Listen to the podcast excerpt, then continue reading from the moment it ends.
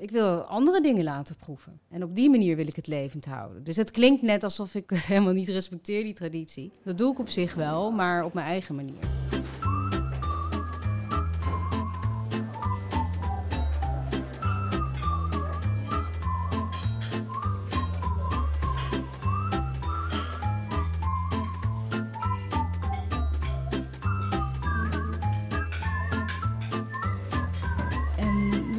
Terug bij een nieuwe aflevering van onze podcastreeks over de diversiteit van de Nederlandse eetcultuur. Van spruitjes tot sushi van de KB Nationale Bibliotheek. En in deze tweede aflevering ga ik in gesprek over de Indische en Indonesische keuken en wat de verschillen daartussen zijn met Vanja van der Leden. Uh, nou ja, chef, food stylist, auteur natuurlijk van Indorok. Um, ik vond dat het beste kookboek van 2019. En, en wat ik er zelf van vond, is een kookboek dat de seks weer terugbrengt in de Indonesische keuken. Heel spannend boek. En Indostok, vervolg daarop. Vanja, welkom. Dankjewel. Dankjewel. Um, ik zei het al, we gaan het hebben over Indië en Indonesië. En ik denk ja. dat het belangrijkste is om mee te beginnen wat het verschil is tussen de twee. Ja, tussen de Indische en de Indonesische keuken. Ja, ja. Die, die, worden twee, die twee worden vaak door elkaar gehaald. En ook zelf, ik zelf doe dat nog wel eens. Mm. um, nou ja, laat ik beginnen met de Indonesische keuken. Is de keuken van hè, de, de, de, Indonesische archipel. Dus de ja, duizenden eilanden. Eigenlijk dus niet één keuken, maar een hele verzameling regionale keukens waarvan ik denk dat de Javaanse uh, het meest bekend is in Nederland vanwege het feit dat de meeste immigranten een Javaanse achtergrond hebben. En de Indische keuken en de Indonesische keuken, uh, nog eventjes, is, is op, op zijn beurt ook beïnvloed door uh, buurlanden zoals India, China. en Indonesië is van oudsher altijd een, een, ja, een regio die heel rijk is geweest aan grondstoffen. Vanwege de geologische ligging ook, hè, vulkanische grond. Dus altijd zeer in trek geweest, ook om handel te drijven. Dus vandaar uh, ja, invloeden van, van andere naburige landen. En de Indische keuken is eigenlijk een mengkeuken tussen de Indonesische keuken en de uh, en Europese invloeden. Nou, al ontstaan tijdens de koloniale periode in, uh, in Indonesië. Bijvoorbeeld doordat Nederlanders Indonesische koks in, in dienst hadden die gerechten voor hun maakten, maar die wel aangepast werden aan de smaak van de Nederlanders. -hmm. En daarnaast heeft die keuken zich verder ontwikkeld toen immigranten na de onafhankelijkheid van Indonesië naar Nederland, Indische immigranten naar Nederland kwamen. En die zijn die keuken ja, hier verder gaan ontwikkelen. Uh, met de ingrediënten van hier en ook met poedertjes en dergelijke. Want ze hadden natuurlijk niet de verse ingrediënten. Dus ja, ja dat is uh, ja. in het kort gezegd. Mm -hmm. Ja, over die poedertjes gaan we het en, uh, ongetwijfeld hebben. En ja. aangepaste smaak in Nederland. Je noemde net even dat de meeste immigranten in Nederland uit Java kwamen. Ja, ik heb geen percentages, nee. maar, ik, maar ik denk het, ik, ja, dat schat nee. ik wel zo in. Ja, ja. Nee, ik, ik, vraag niet naar cijfers. Hoor. Ik wilde eigenlijk weten of dat ook voor jou voorouders geldt. Ja, dus ja? ja, ik heb ook uh, een Javaanse komaf. Uh, ik ken ook Java het beste, dus ik, ik ben verder wel op Lombok en Bali geweest, maar helaas niet de mogelijkheid gehad om naar uh, Sumatra of Sulawesi te gaan. Ja. ja.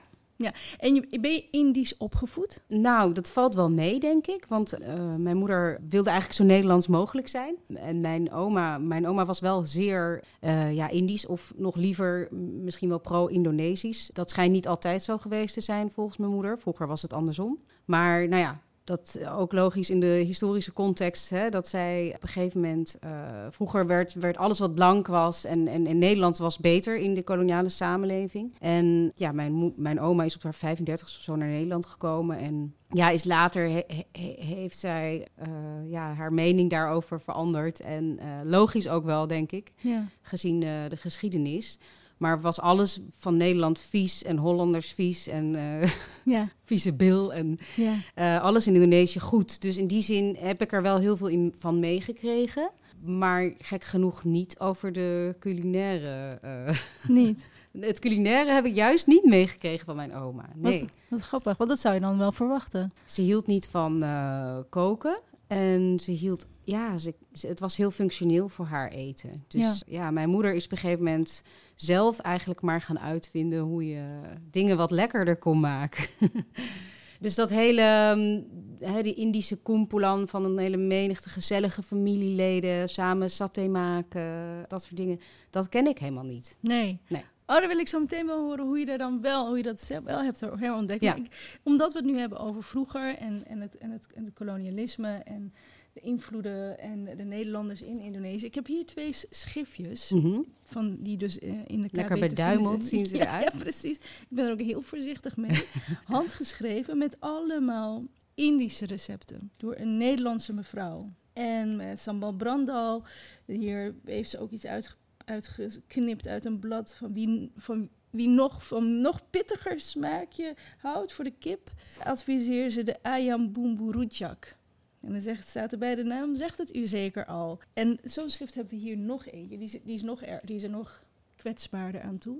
Nou, mooi wel. Het staat ook bij kookschriftje. De naam staat erbij van de dame. Ik kan hem niet zo heel goed lezen.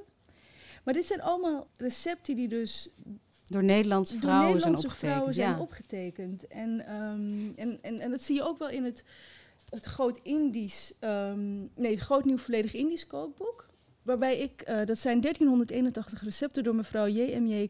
Catenius van der Meijden. Mhm. Dat is aangeschreven. En wat, ik mij, wat mij daarbij opvalt, omdat je, je noemde net al de koks hè, die in dienst waren. En de voorkant van dit boek, daarbij zie je een beeldige witte dame op de voorgrond met gezicht. En daarachter een soort zwart silhouet en dat is dan het kokkie. Ja, wel een heel, een heel eh, sprekend beeld is dit. hè? Ja, hè?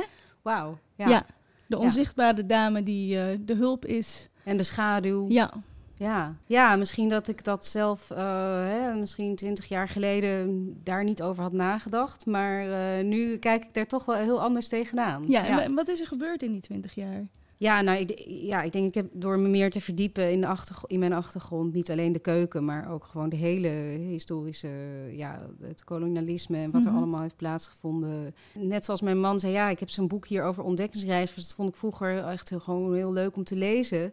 Hè, van avonturen, van... En nu kijk ik ernaar en denk ik, jeetje, dit, dit, het is zo eenzijdig beschreven. Ja. En ik denk doordat, ja, ook als je naar Indonesië gaat... en, en dan heel je perspectief verandert. Ja, Het hele Europa is ineens heel ver weg... en het is ineens niet meer het centrum van de wereld. ja. En die zegt al, hè, dus, er is heel wat gebeurd daar. Ik bedoel, Nederland ging daar niet gezellig kaarten spelen of zo. Dus dat is natuurlijk heel lang heel anders voorgesteld. Ja. Ehm, tegelijk is die periode natuurlijk niet alleen heel erg invloedrijk in Indonesië, maar ook in Nederland zelf. Ja. Het heeft, om te beginnen, alleen al de manier waarop Nederland eet, danig veranderd. Zeker, ja. Ja. Want En- wij, als je kijkt wat wij allemaal kunnen krijgen in Nederland aan ingrediënten... nou, daar zijn Ja. ze in België jaloers op. Er is heel veel veranderd hè, in Nederland eh, qua wat we, wat we kunnen kopen en wat we kunnen maken. En, en ik denk dat zeg maar een van de meest, of de bekendste misschien, is toch wel Konimax, hè? Indonesische, de Indone laat ik tussen aanhalingstekens, de Indonesische producten Ja. van. Weet je waar Konimax voor staat? Oh ja, dat heb ik wel gelezen ooit, maar ik ben het vergeten. Dus help me even herinneren. nou, dat is conserve, import en export. Oh ja. En dan wordt het meteen minder exotisch, Ja. vind je niet? Ja, precies. Ja. Dan begrijp je ook waarom het eigenlijk niet zo... ja. Ja, Nou, ik vind het ook wel grappig om te zien dat je dus al die Indische boeken nu laat zien. Mhm. En hè, dus de, de, de Indische kookboeken, die zijn er eigenlijk langer dan de Indonesische kookboeken. ja. Want het eerste Indonesische kookboek dateert uit 1967. Ah, dat is echt heel recent. Heel laat. Ja. Ja. ik heb het niet bij me. Had ik wel mee willen nemen, maar ik heb het niet. Mhm. Maar dat is eigenlijk, eh, ja, het heet Mustika Rasa. Mhm. En het is een, ehm, volgens mij ook door Sukarno eh, samengesteld. Maar ook eigenlijk om de natie eh, als een geheel meer ja, te vormen. Net als Artusi gedaan heeft bij de Italiaanse keuken. Mhm. Probeerde hij daardoor een soort eenheid te creëren. Ja. ja, want je vertelde ook, de, Nederlandse, de Nederlanders in Indië die schreven het op. Ja.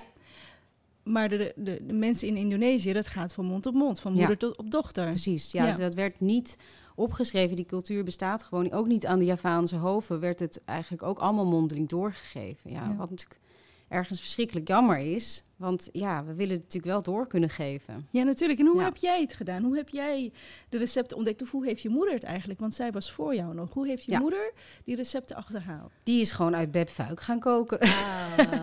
Zoals hele Ja. generaties. Ja, ja, ik kwam er later achter dat Beb Fuik, daar moet je gewoon alles maal tien doen. En dan heb je een beetje de Indonesische smaak te pakken. En nou ja, dus toen ik voor het eerst naar Indonesië ging en ik daar eten proefde, dacht ik, hé, maar dit smaakt heel anders. En dus ben ik eh, op die manier eigenlijk ja, via, via chefs daar gaan koken. En, en op die manier heb ik, er, heb ik mijn recepturen gevormd. Want ik vond ook dat hè, de Indische boeken die er... Er zijn natuurlijk al enorm veel Indische boeken. Maar ik, ja, ik, ik, ik vond vaak de smaak niet overeenkomen met wat ik daar had geproefd.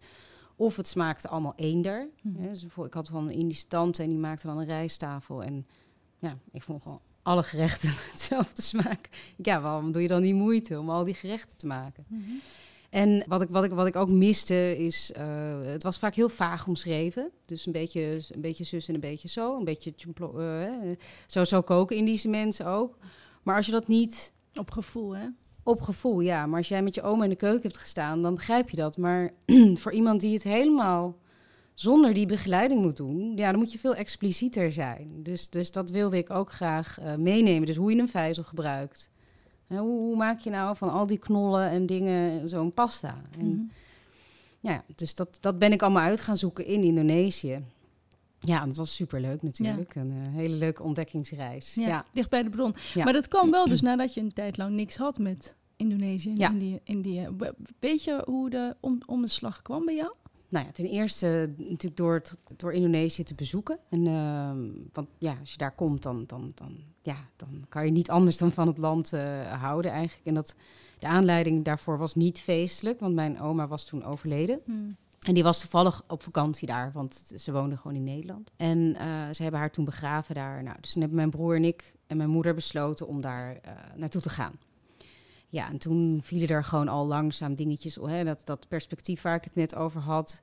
Eh, mijn oma was een hele moeilijke vrouw. En eh, nou, daar zal ik verder niet al te veel over gaan zeuren. Maar ik, ik kreeg wel wat meer begrip voor haar toen ik de samenleving daar zag. En hoe die daar in elkaar steekt Ja. kreeg in ieder geval begreep ik beter waarom ze zo was zoals ze was. Zoals dat ze van status hield en eh, dat soort dingen. En ehm, ja, dus toen de- op dat moment was het alleen nog een, een, een hè, was het een reis om afscheid te nemen en dingen te regelen. Ik ben daarna nog teruggegaan. Gewoon voor plezier. En daarna nogmaals en nogmaals. En ja, dus het was denk ik een geleidelijk proces. Het is niet in één keer een soort omslag. En ik denk dat uiteindelijk, dus het feit dat mijn oma juist helemaal niks, hè, met die, men niks geleerd heeft, heeft er wel voor gezorgd dat ik mijn eigen pad kon gaan. Dus op die manier kan je het ook opvatten. Ja. En ik had dus geen last van allemaal tradities en, eh, en familierecepten waar ik me aan moest houden. ja, precies. Dus het Ja. was een, een, een zegen bij een eh, Ja, minder Ja, precies. fijne tijd. ja. Ja. want eh, had ze je, beïnvloedde ze je ook in je kijk op Indië? Doordat zij zo, hè, na, na, naarmate ze ouder werd, dat ze zeg maar negatiever werd? Nou ja, ik was er toen helemaal niet mee bezig. Nee. Weet je, ze had dan ook allemaal boeken. En daar, daar maakte ze aantekenen. Schreef ze van moordenaar over Jan Pieterszoon Koen. En, en allemaal dat soort dingen. En, en eh, ze hebben ons een minderwaardigheidscomplex gegeven. En dan zat ik echt zo pff, enorm in dan hoor uit. Ja. Ja, ik was gewoon met hele andere dingen bezig. Met op mijn zestiende. ja. En eh, ja, nu begrijp ik wel beter wat ze daarmee allemaal bedoelde. Ja, wat ze toen zei, dat is nu heel actueel, hè? Dat is nu heel actueel, ja. En, en we hebben eerder een keer ook aan tafel gezeten tijdens Ja. een radioprogramma. En eh, toen had ik het op een gegeven moment ook over de rijsttafel. Hè? Ja. Dat, ik dat, dat die Hollanders dat allemaal maar... eh, en toen gaf jij heel terecht aan, je lijkt nu... Je klinkt nu net als je oma. Ja, je begon te mopperen op de Hollanders en de Ja. volgestouwde borden Ja. rijsttafel. Ja, dus er is wel iets van blijven hangen, toch Ja. wel. Ja. Ja. want die rijsttafel, er is wel een reden waarom je er, er zo weinig mee hebt. Hè? Want je vindt het een, een uiting van gebrek aan interesse voor de cultuur. Ja, onder andere, nou, het is begonnen met gewoon smaak. Dat ik het gewoon een ratje toe vind en veel te veel. En ik vind ook als je in een, in een Indisch restaurant een rijsttafel, dan krijg je altijd de standaardgerechten. Nou, terwijl ik juist niet ben, op zoek ben naar de standaardgerechten. Eh, en inderdaad, hoe meer ik me daarin ging verdiepen, hoe meer ik eh, ja, me realiseerde dat die rijsttafel is, is, is vooral eigenlijk een, een, eh, een Nederlands fenomeen geweest. En ja, een koloniaal verschijnsel. Uh, waarmee ik niet wil zeggen dat er geen één restaurant meer een rijsttafel mag serveren. Want, want ik ben er niet voor om dingen te verbieden. Maar ja, op zich zou wat context natuurlijk wel heel interessant zijn om die erbij te geven. En het is ook heel interessant om te weten wat er wat erachter zat. Mhm. Nou, in de Javaanse cultuur, hè, dus er zijn allerlei. In Indonesië sowieso is eten heeft heel veel eh, ceremonieel, is omgeven met veel ceremonieel. En in, op Java is bijvoorbeeld de slamatan daar een voorbeeld van. En dat is dan een, eh, een rituele eetgelegenheid of eh, eetfeest. Bijvoorbeeld ter gelegenheid van een bruiloft of een, of een begrafenis. En daarbij worden dan, nou, er zijn allerlei codes en regels. en er worden zeven gerechten dan geserveerd met gele rijst. En daar wordt vaak een toempeng, zo'n zo'n piramide. Ja, zo'n piramide van gemaakt, inderdaad. Nou, en die, en die, die slamatan die is een beetje uit zijn verband gerukt door uh, de Nederlanders, die dus met hun Indonesische kokkies uh, hè, iets dergelijks wilden nabootsen voor hun gasten. En daarbij heel veel gerechten wilden showen eigenlijk aan hun gasten om hun status, om hun status te laten zien. En ja, dan, dan weet je, dat is natuurlijk gewoon heel interessant om, om, om dat allemaal te lezen. Maar dan uh, realiseer je dat ja, dat het, dat het dan in plaats van dat het over rituelen gaat en symboliek, gaat het dan over status. En uh, ja, dat is dan toch wel een heel ander verhaal. En in dit kader vond ik het wel heel leuk. Ja, ik heb het hier ook met uh, Lisette Kruijf over gehad. Het hm. is een historica.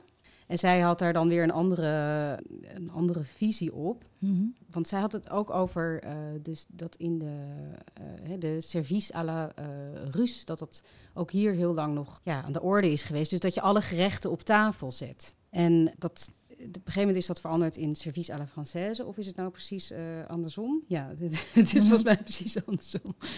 Dus op een gegeven moment zijn we in, in gangen gaan eten. Maar de, tot, een, ja, tot 1800 of zo werd alles op tafel gezet. Ook het dessert. Dus daarom, ik begrijp ook nooit bij een reis dat, dat er zit er dan pisang goreng bij. En dan denk ik, ja, wat moet die pisang goreng erbij? Ja.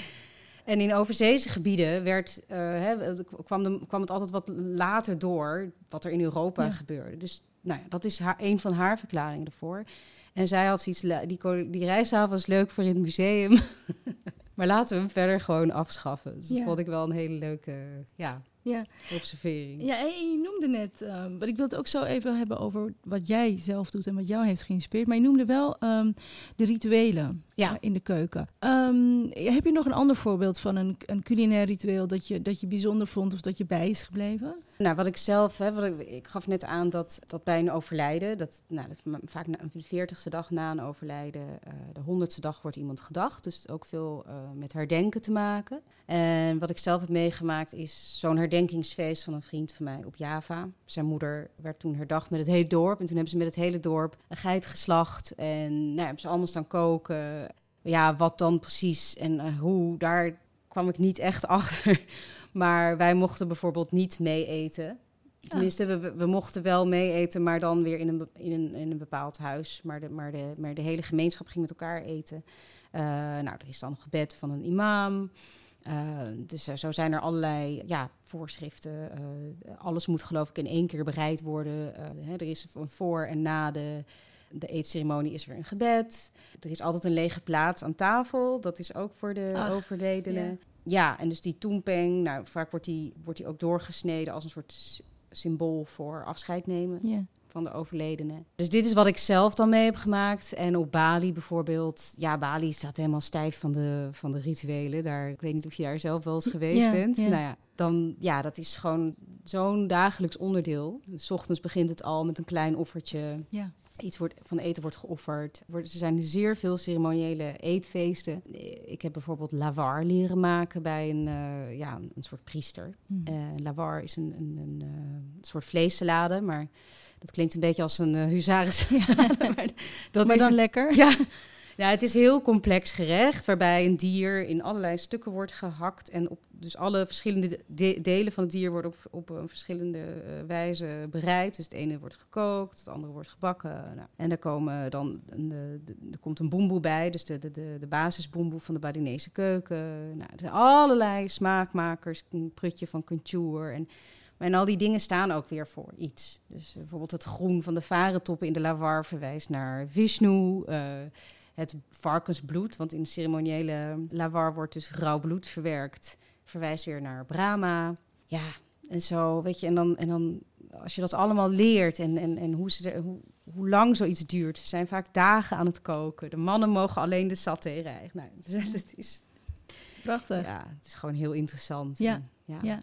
En ook troostend, zeker zo'n afscheidsceremonie voor een dierbare. Ja, ja. me voorstellen. Ja, het gaat niet alleen om het eten. Het gaat ja. om, om heel veel dingen eromheen. Ja. Ja. ja, precies. En nu ben jij zelf voor je eigen boeken uh, in de Rock en Indosok teruggegaan naar de basis, naar ja. de Indonesische basis. Heb je met chefs eh, gepraat en recepten daar eh, meegekregen. En, Ja. Maar je hebt ook boeken die jou heel erg geholpen hebben, of waar je heel veel van geleerd hebt, hè? Ja, En daar een daarvan is Sri Owen, de regionale keukens van Indonesië, met 111 authentieke recepten staat er nog bij. Wat, wat, wat, is, wat maakt dit boek bijzonder voor jou?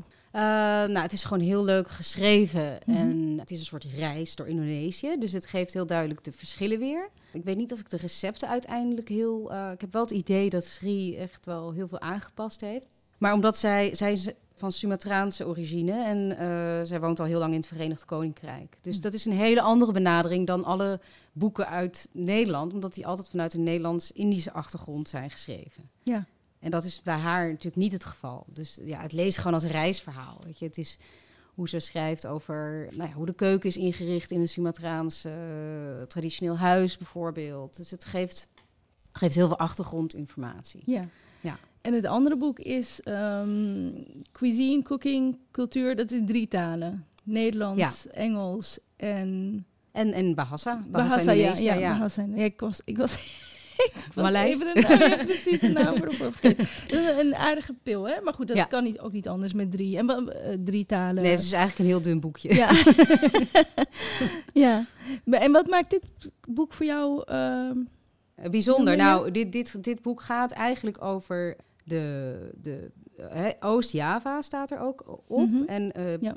Pranakan, ik weet niet of ik het goed uitspreek, Ja. Pranakan. Pranakan is eigenlijk weer ook een onderdeel van de Javaanse keuken... waarin heel veel Chinese invloeden zitten. mhm. En het bijzondere vind ik, dus dat is helemaal daarop gericht. En, eh, nou, de Chinese keuken is natuurlijk al, al veel ouder nog en, en ook zeer interessant. Ehm, maar zoals ik al zei, de, de Indonesische mensen waren niet gewoon om hun recept op te schrijven. En hier is heel goed onderzoek gedaan en, en maakt het daarom heel interessant.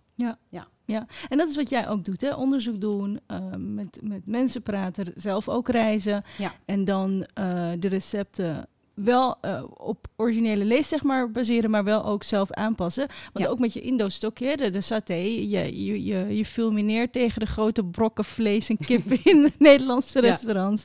Want de saté moet kleine stukjes zijn, hè? Ja, ja, dat is het lekkerst en het is ook eh, het snelst gaar. En, en nou ja, goed. Weet je, net, waar we het net ook over hadden, het gaat niet alleen om het naar binnen wrokken. Het gaat gewoon om het hele, om alles eromheen. Het is een sociale aangelegenheid. Om de cultuur en de Ja. tradities en de geschiedenis. En misschien ook nog de levens van mensen die al die recepten persoonlijk aanpassen en doorgeven. Ja, ja, en dat is wat jij ook weer doet met je boeken. Ja, nou ja, ik doe het natuurlijk wel op mijn eigen manier, maar ik probeer wel altijd een soort context te scheppen. Van hè, hier komt het vandaan. En eh, hier- ik heb in dit boekje ook de originele eh, recepturen toch ehm, ook in opgenomen. Ook, Ja. ook mijn eigen creaties. Omdat, ja, hoe meer je leert over, over keukens en hoe meer je ook eh, beseft dat het allemaal recepten zijn ook maar momentopname en Ja. Vaak van improvisatie. ja, ik heb hier nog voor me liggen, die was ik bijna vergeten, een, ehm, een folder van Luculus. Met Luculus producten kookt u net zo lekker als Kokkie het doet. Kokkie weer. Ja. ja, ja. En dan is een nasi goreng in blik. Oei. Ja. dat is wel eh pittig, Iets voor, de, hè? iets voor de kat. Iets voor de kat, inderdaad. Maar nasi goreng, dat is ook zo'n beetje zo'n klassieker hè, in de Nederlandse keuken. Ja, Is, eh, heb je daar ook nog een, eh, een mening over? uiteraard. Ja. Ik moet je zeggen dat ik nooit echt een fan was van nasi goreng, omdat ik er zelf niet mee opgegroeid ben. Dus in een van de restaurants waar ik werkte, Kantjil, daar zat nasi goreng standaard ook bij de rijsttafel. En hij was altijd een beetje crunchy. En ik dacht dat dat zo hoorde, maar nou, dat hoort dus helemaal niet zo te zijn. En, en ik vond het gewoon niet lekker. Dan, eh, ja, dus nasi goreng en, en dan met hete kip en met rendang en alles bij elkaar. Ik vond het gewoon een soort, eh, ja, een clusterfuck eigenlijk. Ja. aan allerlei smaken. En op een gegeven moment vroeg iemand vroeg aan mij: "Ma- heb jij een goed recept voor nasi goreng? En toen dacht ik, nou, ik ga me daar eens een keer een beetje in verdiepen. Nou, het is sowieso eigenlijk van Chinese origine. Ja. En ja, het hele, het- is eigenlijk een heel simpel gerecht, een ontbijtgerecht met de restjes rijst van de vorige avond. Met een simpele boemboe, eh, waar trassie toch wel misschien de boventoon eh, invoert. Dus het, het, is een, heeft, het heeft een hele hartige smaak van knoflook en trassie en pepers. Op zich heel lekker. Die, dat moet je gewoon ook puur houden. Dus Ja. dan kun je nog wel wat eh, bijvoorbeeld groente bijsferen of wat kip.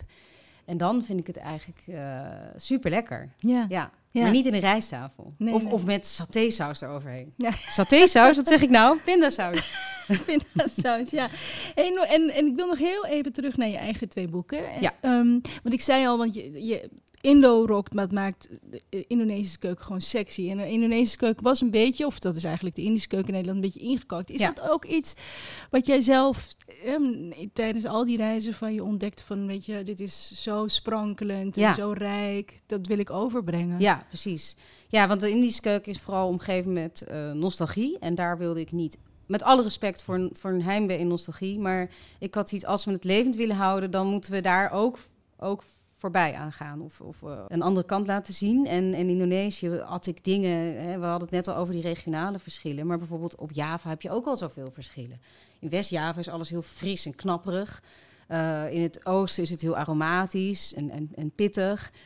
En, en wij zijn eigenlijk eh, associëren Indonesische keuken met prutjes, stoofprutjes. En, en we vinden het allemaal lekker, ook door onze link. Bijna iedereen heeft al een link met die keuken. Maar we kookten het niet zelf, we gingen het bij de toko halen. En ik dacht, dat moet veranderen, want als je het zelf gaat koken, krijg je meer respect. En, en nee, je gaat het gewoon, je gaat het leren kennen. En, ik, en inderdaad, ik wil andere dingen laten proeven. En op die manier wil ik het levend houden. Dus het klinkt net alsof ik het helemaal niet respecteer, die traditie. Dat doe ik op zich wel, maar op mijn eigen manier. Ja. Ja, en ik herken wat je zegt op Java en op Bali. De, de smaken, dat is, dat is fenomenaal. Ja. Ik, bedoel, ik, ik heb op Java een, een soto ayam gegeten waar ik nog steeds aan denk en bij Watertand. Ja, Dus het is Ja. alleen maar... Ja, dus en, en terwijl jij praat en vertelt, denk, denk ik steeds... Oh ja, deze week even weer uit Indo-rock koken. ik heb ik, heel Ja. erg zin in de smaken weer. ja, ja. Maar het kost veel tijd, hè? Dat is, eh, Maar de beloning is er naar. Ja. ja, dan heb je ook wat. ja. Dankjewel, Vanja. Jij ook bedankt. Ehm, nou, ik, ik, ik raad u zeker aan om Indorok en Indostok aan te schaffen. Of als u ze al heeft, ook om ehm, eruit te koken. Want eh, zeker met dit weer, hè? Ja. Dan wil je warmte en wil je wat, wat pit en wat Ja. rijke smaken tot je nemen. En ik- nou ja, Vanja, dankjewel nogmaals. Dank je. Ja, graag gedaan. Jij ook bedankt.